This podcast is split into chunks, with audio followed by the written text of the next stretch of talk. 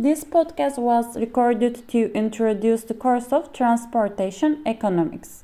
This course is an elective course.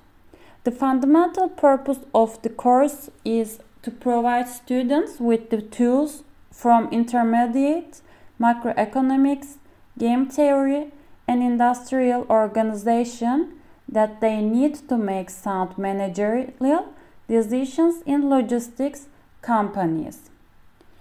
The course content includes uh, what are the fundamentals of microeconomics, what is demand and supply,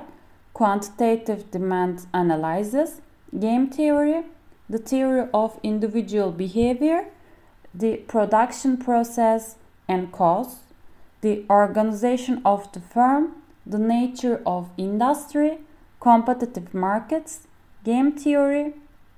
pricing strategies, and topics in business strategy. With this course, students uh, will analyze and understand the problems in business and they will comprehend the importance of supply chain management in terms of company and economy and they will understand what transportation economics is and they will comprehend the importance of transportation economics in terms of business and they will explain the um, importance of road transportation on Turkey's and world economy and they will be able to explain the importance of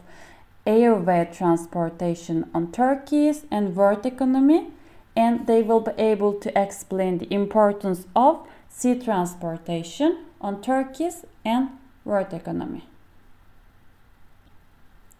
The topics of the course include what are the fundamentals of transportation economics, market forces, demand and supply, quantitative demand analysis,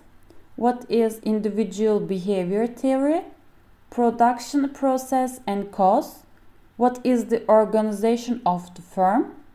the nature of the industry, managing in competitive, monopolistic, and monopolistically competitive markets, basic oligopoly markets,